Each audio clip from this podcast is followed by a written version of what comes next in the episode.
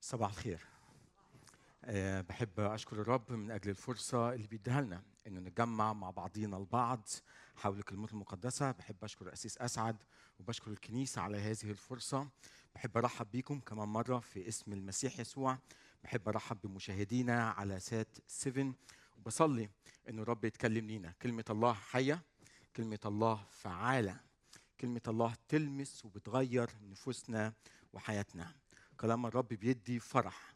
وأنا بصلي من كل قلبي وأنت موجود في هذا الصباح إنك تقول له يا رب تعالى وتكلم لقلبي. تعالى وغيرني. يا رب إحنا مستعدين مش نسمع فقط لكن نسمع ونطيع كلمتك المقدسة. عنوان موضوعنا في هذا الصباح هو الخليقة تحدث بمجد الله. الخليقة تحدث بمجد الله. كلنا بلا استثناء أو معظمنا أو أتوقع إنه عدد كبير مننا بيؤمن إنه الله هو الخالق. هو خالق الكون. الله موجود. الله هو اللي خلق كل شيء. لكن في وقت من الأوقات بنفكر إنه ماذا يعني لي أنا النهارده؟ إنه الله هو الخالق. البعض مننا أيضا بيفكر إنه إحنا من فين جينا كيف اتخلقنا ليه إحنا موجودين النهارده على الأرض هل لحياتي معنى؟ هل لحياتي هدف؟ البعض مننا وفي بسبب ظروف الحياة بنمر بظروف صعبة ولما بنمر بظروف صعبة بتحديات بمشاكل والحياة أوقات بتخبط فينا وبنعيش في وسط أمواج الحياة بنشعر إنه هل أنا فعلا عندي هدف في الحياة اللي أنا عايشها؟ هل الحياة اللي أنا عايشها ليها قيمة؟ هل ليها معنى؟ ولا كلها تعب؟ ولا كلها مشاكل؟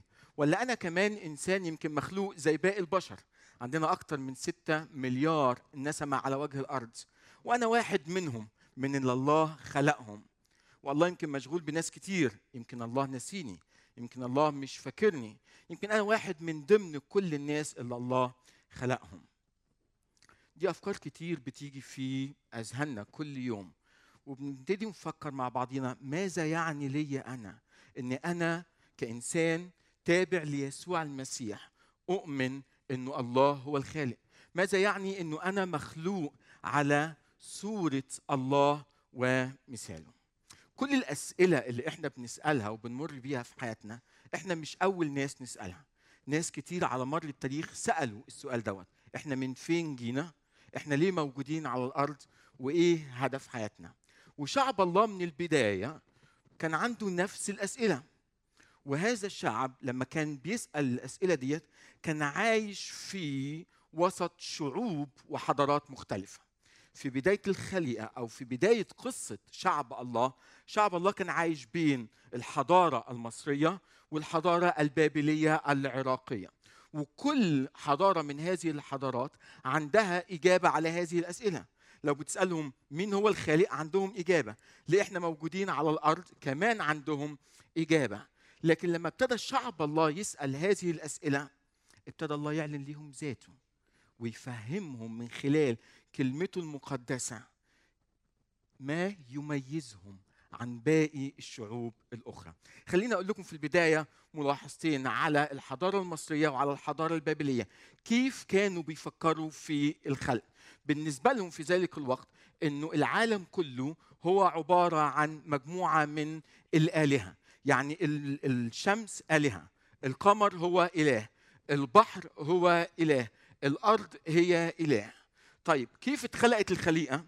الخليقة بالنسبة لهم هي نتيجة لحرب هذه الآلهة مع بعضها البعض الشمس والقمر والأرض والبحار كلهم اتخلقوا اتخانقوا مع بعضهم البعض في حرب مستمرة وإجا أو اتخلق شيء اسمه الأرض والحياة اللي إحنا عايشينها ده بالنسبة للخليقة ماذا عن الإنسان؟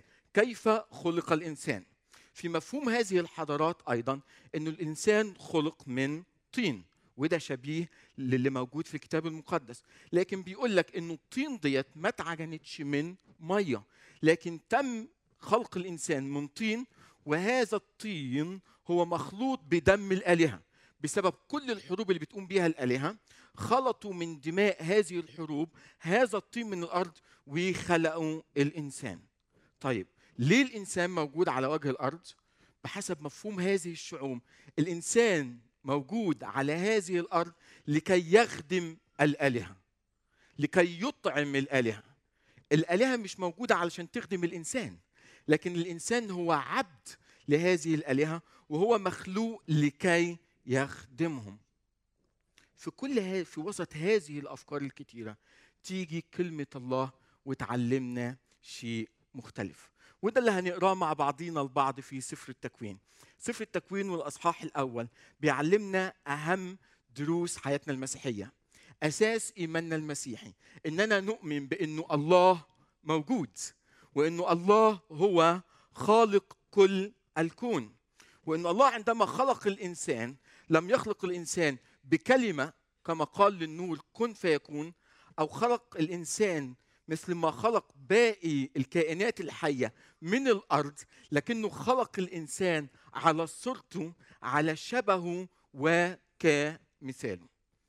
موضوعنا النهارده هو التالي الخليقة تحدث بمجد الله. وحابب أشارك معاكم نقطتين في هذا الصباح. النقطة الأولى هي إنه الله هو الخالق وماذا يعني لنا هذا الأمر؟ والنقطة الثانية إنه أنا إنسان مخلوق على صورة الله وعلى مثاله. وأيضا ماذا يعني لنا هذا الأمر؟ خلونا نقرأ مع بعضينا البعض من أول سفر وأول أصحاح في الكتاب المقدس سفر التكوين والأصحاح الأول. هقرأ معاكم الأعداد من واحد إلى خمسة وبعدها ننتقل للأعداد من ستة وعشرين إلى نهاية الأصحاح. سفر التكوين والأصحاح الأول من العدد واحد. في البدء خلق الله السماوات والأرض وكانت الأرض خربه وخالية أو بلا شكل بلا معنى وكان على وجه الغمر ظلمة وروح الرب وروح الله يرف على وجه المياه أو على سطح المياه. وقال الله ليكن نور. فكان نور. ورأى الله النور إنه حسن شيء جميل. وفصل الله بين النور والظلمة. ودعا الله النور نهارا والظلمة دعاها ليلا. وكان مساء وكان صباح يوما واحدا. وبيكمل باقي الأصحاح إنه الله خلق الجلد خلق البحار خلق الأرض خلق كل الأنفس الحية. لكن ننتقل مع بعضينا إلى العدد 26 وبيقول الكتاب المقدس وقال الله أيضا نعمل الإنسان على صورتنا كشبهنا فيتسلطون على سمك البحر وعلى طير السماء وعلى البهائم وعلى كل الأرض وعلى جميع الدبابات التي تدب على الأرض. فخلق الله الإنسان على صورته على صورة الله خلقهم ذكرا وأنثى خلقهم. وباركهم الله وقال لهم أثمروا وأكثروا واملأوا الأرض وأخضعوها وتسلطوا على سمك البحر وعلى طير السماء وعلى كل حيوان يدب على الأرض. وقال الله إني قد أعطيتكم كل بقل يبذر بذرا على وجه كل الأرض وكل شجر فيه ثمر شجر يبذر بذرا لكم يكون طعاما. ولكل حيوان الأرض وكل طير السماء وكل دبابة على الأرض فيها نفس حية. أعطيت كل عشب أخضر طعاما وكان كذلك. ورأى الله ودي آية مهمة. ورأى الله كل ما عمله فإذ هو حسن جدا وكان مساء. وكان صباح يوما سادسا. ليبارك الله لنا هذه الكلمات المقدسة. الخليقة تحدث بمجد الله. النقطة الأولى هي الله هو الخالق. يبدأ الكتاب المقدس بآية سهلة محفوظة وبسيطة لكنها جوهرية. في البدء قولوا معايا خلق الله السماوات والأرض. وأول آية في أول السفر هي عبارة عن مقدمة عبارة عن ملخص. ليس فقط لباقي الأصحاح لكن لما يدور في كل الكتاب المقدس. مين هو الشخصية الرئيسية في ايماننا المسيحي من هو الشخصية الأساسية في الخليقة؟ من هو الشخصية الأساسية في كل الكتاب المقدس؟ يقول العدد الأول في البدء خلق الله. الله هو الخالق. هو سيد الكون هو الشخصية الرئيسية ليس فقط في النص اللي بين إيدينا لكن في كل صفحات الكتاب المقدس. علشان كده كاتب سفر الأعمال في الأصحاح السابع والأعداء آسف الأصحاح 17 والعدد 28 أدرك هذه الحقيقة. أدرك أنه الله هو الخالق. الله هو مصدر الحياة. هو رب كل الخليقة. فابتدى ينشد ويهدف ويقول إنه هذا الإله الذي نعبده اللي خلق السماوات والأرض به نحيا وبه نتحرك وبه نوجد. هو مصدر كل الخليقة. لكن يكمل لينا العدد الثاني ويدينا صورة عن وضع اللي كان موجود قبل ما يبدأ الله عملية الخلق. فيقول يقول الكتاب المقدس كانت الأرض خربة وخالية. وعلى وجه الغمر ظلمة. كانت الأرض خربه وخالية. تخيل معايا للحظات حد أو شخص بيحاول يفرجك على صورة. والصورة هي عبارة عن لوحة سوداء لوحة سوداء. ماذا ترى في هذه اللوحة؟ ولا شيء. بتشوف سواد بتشوف شيء فاضي بتشوف يمكن خراب موت شيء ما له أي معنى ولا له أي هدف هتبص لهذه الصورة سوف تنظر لهذه الصورة وتقول الصورة ديت ملهاش أي معنى ملهاش أي شكل ملهاش أي معالم. ده اللي بيوصفه لينا الكتاب المقدس إن كانت الأرض خالية ما فيهاش حياة لا فيها خضرة لا فيها زرع لا فيها مية لا فيها نور لا فيها سماء لا فيها أرض ما فيهاش أي شيء. لكن يقول الكتاب المقدس ليست فقط خربة لكنها خالية. وكلمة خالية في الترجمة الأصلية معناها إنه إنها بلا معنى بلا شكل. وكأنه الوضع اللي كان موجود وضع فيه ظلام وضع فيه موت وضع فيه فراغ وضع فيه شيء ما يشجعش على الحياة أبدا. أول ما نظر الله لهذا الوضع قرر إنه يخلق قرر إنه يخلق. يخلق من هذا الموت حياة. يخلق من هذه الظلمة نور. يخلق من هذا الفراغ من هذا السواد يخلق مرة تانية شيء جميل. علشان كده باقي الأصحاح بيعلمنا أمور أساسية عن هذا الله الخالق. أول شيء بيعلمه لنا حابب أشارك بثلاث نقاط في النقطة الأولى. أول شيء إنه الله هو كلي القدرة. الله هو كلي القدرة الخالق كلي القدرة. بيكمل لنا الكتاب المقدس وبيذكر عشر مرات هذه العبارة. وقال الله وقال الله. إذا الكتاب المقدس بيعلمنا حقيقة إنه الخليقة هي تمت بكلمة من الله. عندما قال الله ليكن نور فكان نور. عندما قال الله ليكن مياه لتتجمع كل الكائنات ليكن هناك حياة ليكن هناك بحار. فكان فالله هو إله كلي القدرة. بكلمة من فمه قال للشيء كن فكان.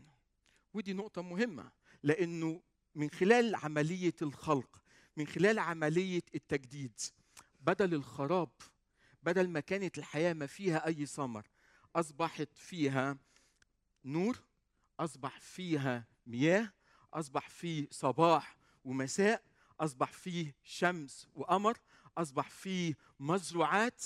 الصورة اللي كانت سودة اللي بلا معنى اللي بلا شكل اللي بتعبر على موت عندما قال الله ليكن نور ليكن هناك حياة تغيرت وتبدلت هذه الصورة وأصبح لها شكل تاني أصبح شكلها جميل أصبحت جميل حسنة جدا. ويذكر لنا الكتاب المقدس إنه كل يوم الله خلق شيء جديد بكلمة فمه. وبدل الحياة ما كانت بلا معنى أصبحت بلا معنى. فعندما خلق الله الإنسان في اليوم السادس يقول الكتاب خلق الإنسان على صورته وعلى شبهه. لكن قال آية مهمة جدا أو كلمة مهمة جدا. قال وباركهم الله. وباركهم الله. وبعد ما باركهم وهنتكلم على هذه النقطة بعد شوية اداهم مسؤولية واداهم دور. اذا الصورة الجميلة اللي خلقها الله ليست فقط هي صورة عبارة عن خضرة وبحر ومياه ومزروعات نور وشمس وقمر لكن الله وضع في هذه الصورة أعظم هذه المخلوقات وهو الإنسان. تاج هذه الخليقة هو أنت وأنا. وقال له أنا ما خلقتكش علشان تعيش بلا هدف أو بلا معنى أو تعيش الحياة بطولها وبعرضها. أنا خلقتك وباركتك حتى تكون بركة لكل الأمم. وهذه الكلمات بتذكرنا بشخصية إبراهيم وبوعد الله بإبراهيم. عندما دعا الله إبراهيم دعاه وقال له اخرج من بيتك من وسط أهلك من عشيرتك. أنا دعيتك وهباركك حتى تكون بركة. وفي نسلك تتبارك جميع قبائل الأرض. بس الآية المهمة وأنا بوعظ امبارح. جه شخص بعد الوعظه وقال لي أنت ما وقفتش على الآية رقم 31 وكان المفروض تقف عليها شوية. قلت له ليه؟ قال لي لأنه في فرق. قلت له إيه هو الفرق؟ قال لي في كل مرة الله في نهاية كل يوم لما خلق شيء قال إنه كان حسن. لكن بعد ما خلق الإنسان اللي هو تاج الخليقة كلها قال إنه وراء كل أعماله إنها حسن جدا إنه الصورة كملت وكأنه كان في شيء ناقص والإنسان ابتدى يكملها.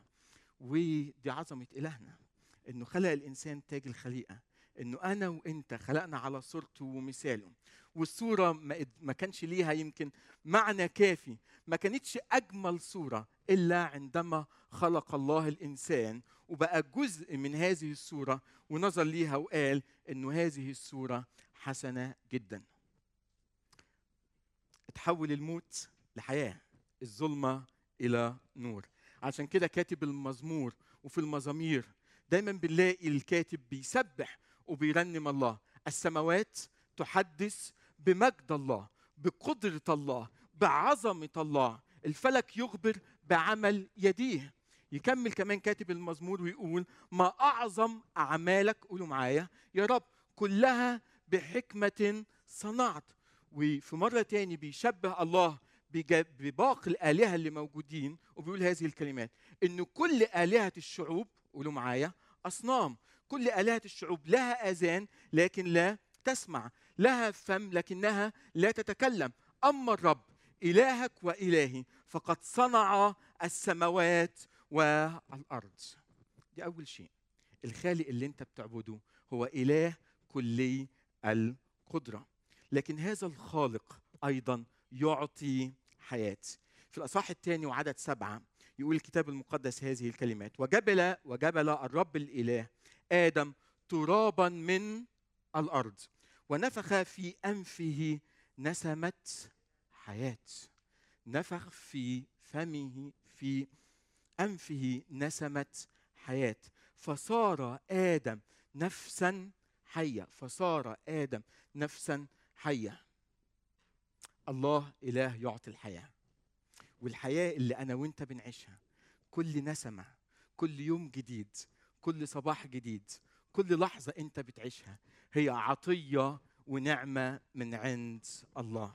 أنا بعرف إن الحياة بتبقى صعبة وبنمر كل يوم في حياتنا في أشغالنا في عائلاتنا بسبب بسبب ظروفنا بنمر بظروف بتخلينا أحيانا نتذمر نشتكي وأوقات بيجي علينا وقت من كتر الضيق من كتر التعب من كتر التذمر من كتر إنه ما عندنا قوة إن إحنا نحتمل. البعض مننا بينظر لله ويقول له مش كفاية كده؟ يعني يا ريت تاخد حياتي أحسن لأن أنا مش قادر أعيش إنه أنا مش قادر أكمل. ودي المرحلة اللي بيوصلنا ليها عدو الخير إنه بيحاول يخلي الخليقة الجميلة اللي صنعها الله حتى نستمتع بيها حتى نسبحه كل يوم لأجلها يخليها سودة قدام عينينا حتى نفقد الرغبة في الحياة ونتمنى الموت لأنفسنا علشان يخليك ويخليني أنسى. إنه ده مش قصد الله. الله عندما نفخ فيك وعندما نفخ فيا نفخ فينا حياة وأعطانا هذه الحياة هي عطية ونعمة علشان نعيشها بكل فرح نعيشها بكل قوة نعيشها وإحنا فعلا واثقين إنه إلهنا حي إله بيعطي حياة. وهذا الإله الذي يعطي حياة هو إله يخلق كل شيء من جديد من جديد. وده اللي بيقوله النص اللي بين إيدينا. لكن أيضا في باقي صفحات الكتاب المقدس. يقول الكتاب المقدس في اشعيا هذه الكلمات ها أنا ذا صانع امرا جديدا. الآن ينبت. الشعب في وسط حرب. الشعب في سبي. الشعب بيمر بظروف قاسية جدا جدا. لكن جه الله بوعد إنه أنا الإله الخالق. أنا الإله الذي يستطيع كل شيء. أنا الإله الذي يستطيع أن يخلق في وسط الموت حياة. أنا اللي أقدر أصنع طريق جديد أرض جديدة بحسب سفر الرؤيا. سماء جديدة لا تفشل لا تيأس. إن كنت شاعر إنه في في حياتك موت إن كنت شاعر إنه فيه سواد إن كنت فاقد الأمل. خليني أذكرك في هذا الصباح إنه إلهك إله حي إنه إلهك هو الخالق. إلهك هو إله يستطيع أن ينفخ نسمة حياة فيك في هذا الصباح. يقدر إنه يأمر ويقول للموت ويحوله الحياة للضعف يحوله القوة للعبودية اللي أنت فيها يطلقك منها ويديك حرية بكلمة من فمه. هو الخالق يستطيع أن يخلق إنسان جديد طبيعة جديدة حياة جديدة لأنه هو الإله الذي يستطيع كل شيء. لكن الحاجة الأخيرة في هذه النقطة إنه إن كان إلهك بيعطي للحياة معنى أوعى تفقد معنى حياتك. أوعى تشعر إنه العالم اللي إحنا عايشين فيه ده عالم ماشي كده. محدش مسيطر عليه والبعض بيفكر. وعندنا نظريات كتيرة بتقول النهارده إنه الله خلق العالم وسابه ومشي تركوا على هواه من غير ما يهتم فيه. من غير ما يعوله أما الكتاب المقدس بيقول لا بيقول لا. الله لما خلق العالم خلقه واهتم فيه ولحد النهارده هو بيرعاه هو بيصونه. هو كل يوم بيشرق شمسه على الأشرار وعلى الأبرار. كل يوم بيطعمك وبيطعمني. كل يوم بيطعم كل الخليقة. هو اللي بيعطي المطر هو اللي بيعطي الخبز هو اللي بيعطي كل شيء. إلهك اللي خلق الكون. مش هيسيبك لوحدك. ولما خلق الكون وخلقك في هذا الكون خلق كل حاجة فيه علشان تستمتع بهذه الحياة. خلق النور وخلق الظلمة خلق البحار خلق السماء وخلق الأرض خلق الزراعة خلق المزروعات خلق كل الحيوانات. وخلق هذه الحياة علشان تعيش وتستمتع فيها. عشان كده أنا عايز أقول لك النهارده إن كنت شاعر إنه حياتك بلا معنى. إن كانت حياتك بلا معنى. ارجع لله النهارده. ارجع للي خلقك النهارده. وقول له أنا بشكرك لأنك خلقتني. قول له بشكرك لأنك اديتني حياة وأنا واثق إن حياتي ديت ليها معنى. صلي واطلب منه. قول له افتح عينيا. ساعدني أشوفك في وسط حياتي. ساعدني أشوف الهدف اللي أنت خلقتني علشانه. لأن أنا بيك. أنا بيك. قول له كده في هذا الصباح. أنا بيك. بحيا وأتحرك وأوجد. خليني أقول لكم نقطة مهمة قبل ما أنقل على النقطة اللي جاية. إنه بدون الله لا يوجد حياة. وإن كنت فاقد الحياة وإن كنت فاقد الأمل وإن كنت فاقد إنك قادر تكمل الحياة اللي أنت بتعيشها كل يوم لأنك بعيد عن الله. أنا عايز أدعوك في هذا الصباح. إن كنت تؤمن انه الله هو الخالق انه هو السيد انه هو كلي القدرة صدق إنه يقدر يدي لك حياة. ارجع توب خليك واثق فيه اتمسك بيه وقول له أنا مستني النهارده إنك تؤمر بحياة لنفسي.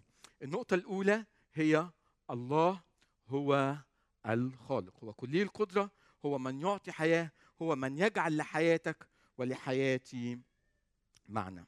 النقطة الثانية إنه الله خلق الإنسان على صورته ومثاله. الأصحاح الأول والعدد 26 و 27 يقول الكتاب المقدس هذه الكلمات نعمل الإنسان على صورتنا كشبهنا نعمل الإنسان على صورتنا كشبهنا. هنا بنشوف إنه على مر التاريخ الكنيسة والمؤمنين حاولوا يعرفوا ما هو المقصود بإنه الإنسان مخلوق على صورة الله. البعض بدأ يفكر إنه الله خلق الإنسان ذو عقل ومختلف عن باقي الأنفس الحية. إنه على صورة الله في القداسة على صورة الله في البر على صورة الله في التقوى. لكن بحسب النص اللي بين إيدينا حقيقة الكتاب المقدس بيقول إنه الله خلق الإنسان على صورته ومثاله لكنه لم يتحدث أو يدينا وصف عن هذه الصورة أو عن هذا الشبه وما المقصود به. لكن في الأعداد اللي بعد كده يوضح لنا الكتاب المقدس مش إيه هو الشكل اللي الله خلق عليه الإنسان لكن الدور اللي هيقوم به الإنسان. الدور الذي يقوم به الإنسان. هقول هنا ثلاث نقاط بسرعة. النقطة الأولى الإنسان مخلوق على صورة الله وشبهه. المقصود بها هنا إنه الإنسان ليه دور. إنه الإنسان هو وكيل الله على الأرض.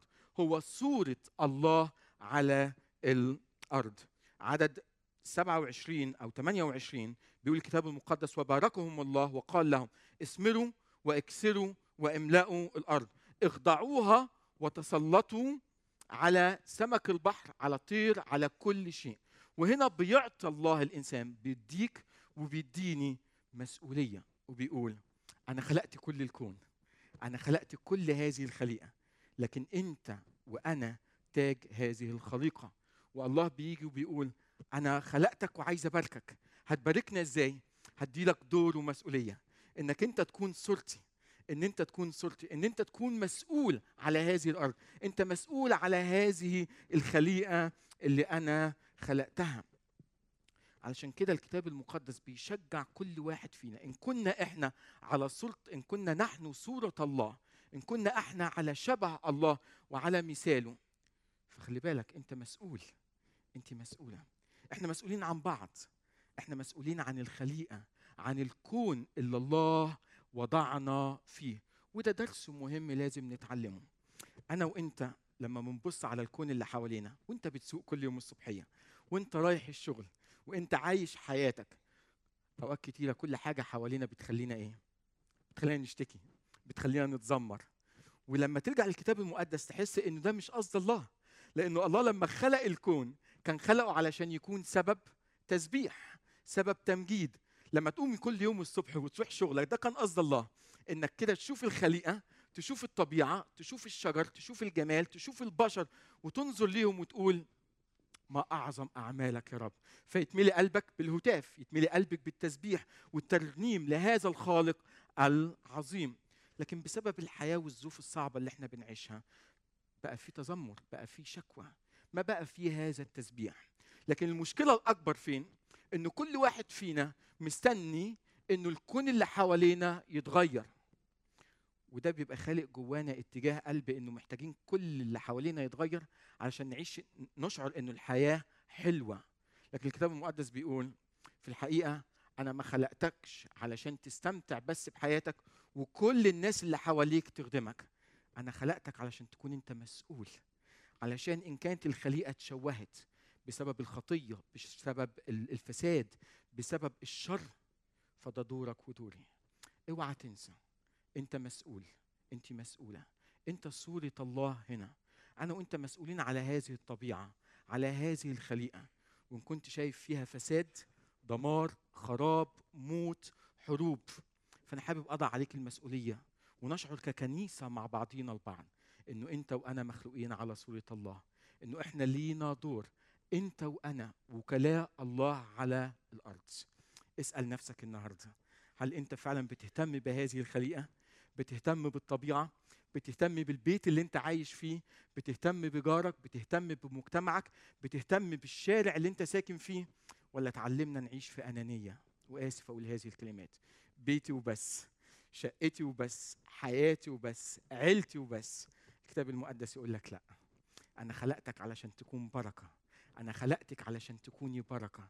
أنت مسؤول لأنك صورة الله على الأرض. لكن النقطة الثانية هنا الله خلقنا على صورته وعلى مثاله. يعني إنه أنا وأنت ليا قيمة. الله خلق في الست أيام أمور كتيرة جدا جدا. لكن في اليوم السابع يقول إنه وخلق الله الإنسان. طيب خلقته بكلمة؟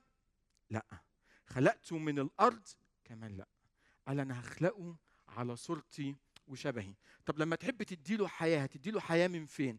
قال هديله حياة من ذاتي. أنا هنفخ فيه نسمة حياة.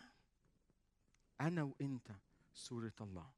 أنا وأنت اللمسة الأخيرة اللي وضعها الله في الخليقة وفي الصورة الجميلة اللي أنا اتكلمت عليها علشان يبقى لها معنى. كم مرة بتشعر بقيمتك؟ كم مرة بتشعر بقيمتك؟ كم مرة بتقوم الصبحية وبتقول ياه النهارده ما فيش أجمل مني النهارده ما فيش أحسن مني. مش لأن عندي شهادات مش لاني متعلم مش لأني غني مش لأنه الناس بتمدح فيا ابدا. أنا حاسس إنه ليا قيمة لأنه مخلوق على صورة الله ومثاله. العالم النهارده بيقول لك أنت حلو لأن شكلك حلو. أنت إنسان ليك مكانة في المجتمع لأنه عندك مال لأنه عندك فلوس لأنه عندك وظيفة لأنه عندك وعندك وعندك. العالم من حوالينا بيبعت لينا رسالة واحدة. قيمتك فيما تملك. كمان مرة. قيمتك فيما تملك. علشان كده البعض مننا بيعيش كل حياته يعمل إيه؟ يحاول إنه يملك. والرغبة في الامتلاك في الحقيقة في في داخلنا إنه إحنا مش عايزين نملك علشان فقط نملك. إحنا عايزين نملك علشان نشعر إنه لينا قيمة. في يوم من الأيام حد قال لي هذه العبارة وعمري ما هنساها. قال لي أنت أنا أنت عارف أنا عايش حياتي ليه؟ قلت له أنت عايش حياتك ليه؟ قال لي أنا عايش حياتي عشان أنجح عشان أكبر علشان يبقى لي قيمة في المجتمع. بقول له إيه السبب؟ قال لي لأن في يوم من الأيام في ناس احتقرتني في ناس قللت من قيمتي. وأنا قررت أعيش عمري كله أثبت للناس دول إنه أنا إنسان ليا قيمة. قلت له إزاي؟ قال لي لازم أنجح لازم أكبر لازم أكون أفضل منهم أحسن منهم عندي شهادات أفضل منهم ويكون عندي كمان غنى وفلوس. لازم أمتلك كل شيء عشان أثبت لهم إن أنا الأفضل. بصيت لهذا الشخص وصعب عليا وشعرت إنه هتعيش كل عمرك علشان تثبت للناس إنك ذو قيمة. وفي الآخر اللي هتجمعه ما هو إلا سراب. لكن قيمتك الحقيقية هي أنت مخلوق على صورة الله ومثاله. وده اللي بيشعرك بالرضا ده اللي بيشعرك بالفرح. علشان كده رسالتي ليك في هذا الصباح إن كنت شاعر إنه إنسان مالكش قيمة مالكش دور حاسس إنه العالم من حواليك بيحتقرك وبتحاول تعمل أقصى ما عندك علشان تشعر بقيمتك اتذكر إنه الله خلقك على صورته الله خلقك على صورته. انت صورة الله انت صورة الله انت أجمل ما في الخليقة وده اللي بيخلي لك قيمة. لكن في نقطة كمان مهمة بنشعر فيها بقيمتنا. تخيل معايا للحظات. صورة بتباع وانت داير في المحلات شفتها وحد عرض عليك الصورة ديت وانت بصيت ليها وبتحس انه الصورة ديت ما تدفعش فيها أكتر من 5000 أو 5 دولار. أنا مش هدفع فيها أكتر من كده. وفي الحقيقة الصورة ديت مش حلوة مش جميلة. أنا مش عايز حتى أدفع فيها فلوس خالص. وبعد شوية وأنت بتشاهد التلفزيون تلاقي صورة مت... مشابهة تماما لهذه الصورة اللي هي فيها الألوان كده معمولة في الصورة بلا أي معنى. وتسمع إن الصورة ديت دفع فيها ملايين الدولارات. أنت تبقى واقف وبتقول يعني مين العاقل اللي دفع في الصورة ديت ملايين الدولارات وبتسأل نفسك إيه السبب وبعدين تتفاجئ إنه السبب سبب غلو هذه الصورة إنه في فنان أعظم فنان في هذا العالم اللي إحنا عايشينه هو اللي رسمها وجه في النهاية عمل إيه؟ حط اسمه عليها ختمها في النهاية. اذا الصورة أصبح ليها قيمة بسبب الفنان اللي مضى عليها انه وضع اسمه عليها انه اللي أصبح ليها قيمة بسبب الختم اللي ختمت بيه هذه الصورة. لانك غالي اسمع هذه الكلمات في هذا الصباح. لما الله حب يقدر قيمتك ما حبش يقدرك زي باقي الناس ما حبش يقدرك لا بذهب ولا بفضة علشان كده يقول الكتاب المقدس إنكم قد أشتريتم لا بأشياء تفنى لا بفضة ولا بذهب بل بدم كريم كما من حمل بلا عيب ولا دنس دم يسوع المسيح. اذا ليك قيمة ليك قيمة ليك قيمة ليك قيمة. ليه؟ لأنه أنا مخلوق على صورة الله وليس فقط إني مخلوق على صورة الله ده لما حب جه ويشتريني لما حب يجي ويدفع فيا ثمن دفع فيا ثمن غالي دفع فيا دم يسوع المسيح. قول لنفسك النهارده أنا ليا قيمة. قول لنفسك النهارده أنا ليا قيمة لأن أنا مخلوق على صورته والثمن اللي اتدفع فيا هو دم يسوع المسيح. النقطة الأخيرة آمين آمين. وإحنا بنختم مع بعضينا وبنفكر في إن إحنا مخلوقين على صورة الله ومثاله إنه كلنا خلقنا على نفس الصورة صح؟ وكلنا خلقنا على نفس الشبه والمثال. ما فيش فينا واحد أحسن من التاني. لا جنسيتك ولا لونك ولا شكلك بيميزوك. كلنا على صورته وعلى مثاله. لكن للأسف البعض مننا بيفكر إنه في نوع من البشر هم على صورته وفي نوع من البشر هم مش على صورته. خلوني أختم بالقصة دي بعد إذنكم. ربي سمح في حياتي ولمدة 8 سنين وأثناء الغربة إن أنا أشتغل في مكان لذوي الاحتياجات الخاصة. أشخاص عندهم بعض التحديات الجسدية وبعض التحديات الذهنية. أول يوم رحت الشغل حقيقة أنا ما كنتش حابب هذا الشغل. أنا رايح لأنه أنا كنت في غربة ومضطر إن أنا ألاقي وظيفة. أول يوم رحت الشغل دوت كان تدريب بالنسبة لي. وأول يوم كان في مجموعة في البيت عايشين في هذا البيت حوالي خمس أشخاص. ولأن عندهم بعض التحديات الذهنية الوسيلة الوحيدة اللي بيعبروا بيها عن غضبهم إن هم بيكسروا كل شيء حواليهم. أنا داخل البيت أول يوم وهم قرروا يعملوا ليا حفلة استقبال خاصة. أول عشر دقائق ليا في هذا البيت غضبوا. يمكن أنا سبب غضبهم مش عارف أو حد تاني. وفجأة واذ بيا بشوف إن كل شيء في البيت بيطير حواليا. الكراسي بتطير كل أدوات المطبخ بتطير وأصبح البيت كله هو عبارة عن حرب شغالة. وواحد من الموظفين اللي موجودين معايا استقبل كده كرسي من الكراسي في راسه ونقلوه فجأة على المستشفى. تخيل معايا انت واقف في زاوية من البيت وبتفكر انه اللي بيحصل دوت. أنا في الاصل مش عايز اكون موجود. وصلاتي في الوقت دوت يا رب بطلب منك خرجني من هذا المكان سليم وأوعدك إنه أنا مش هرجع هنا تاني ابدا. بس قصد الله كان غير كده. حقيقه قصد الله علمني درس. قال لي أنت هتقعد مش يوم ولا اتنين ولا تلاتة. أنا هقعدك 8 سنين في المكان دوت. طب ليه هتقعدني 8 سنين؟ قال لي عشان أعلمك أهم درس في الحياة.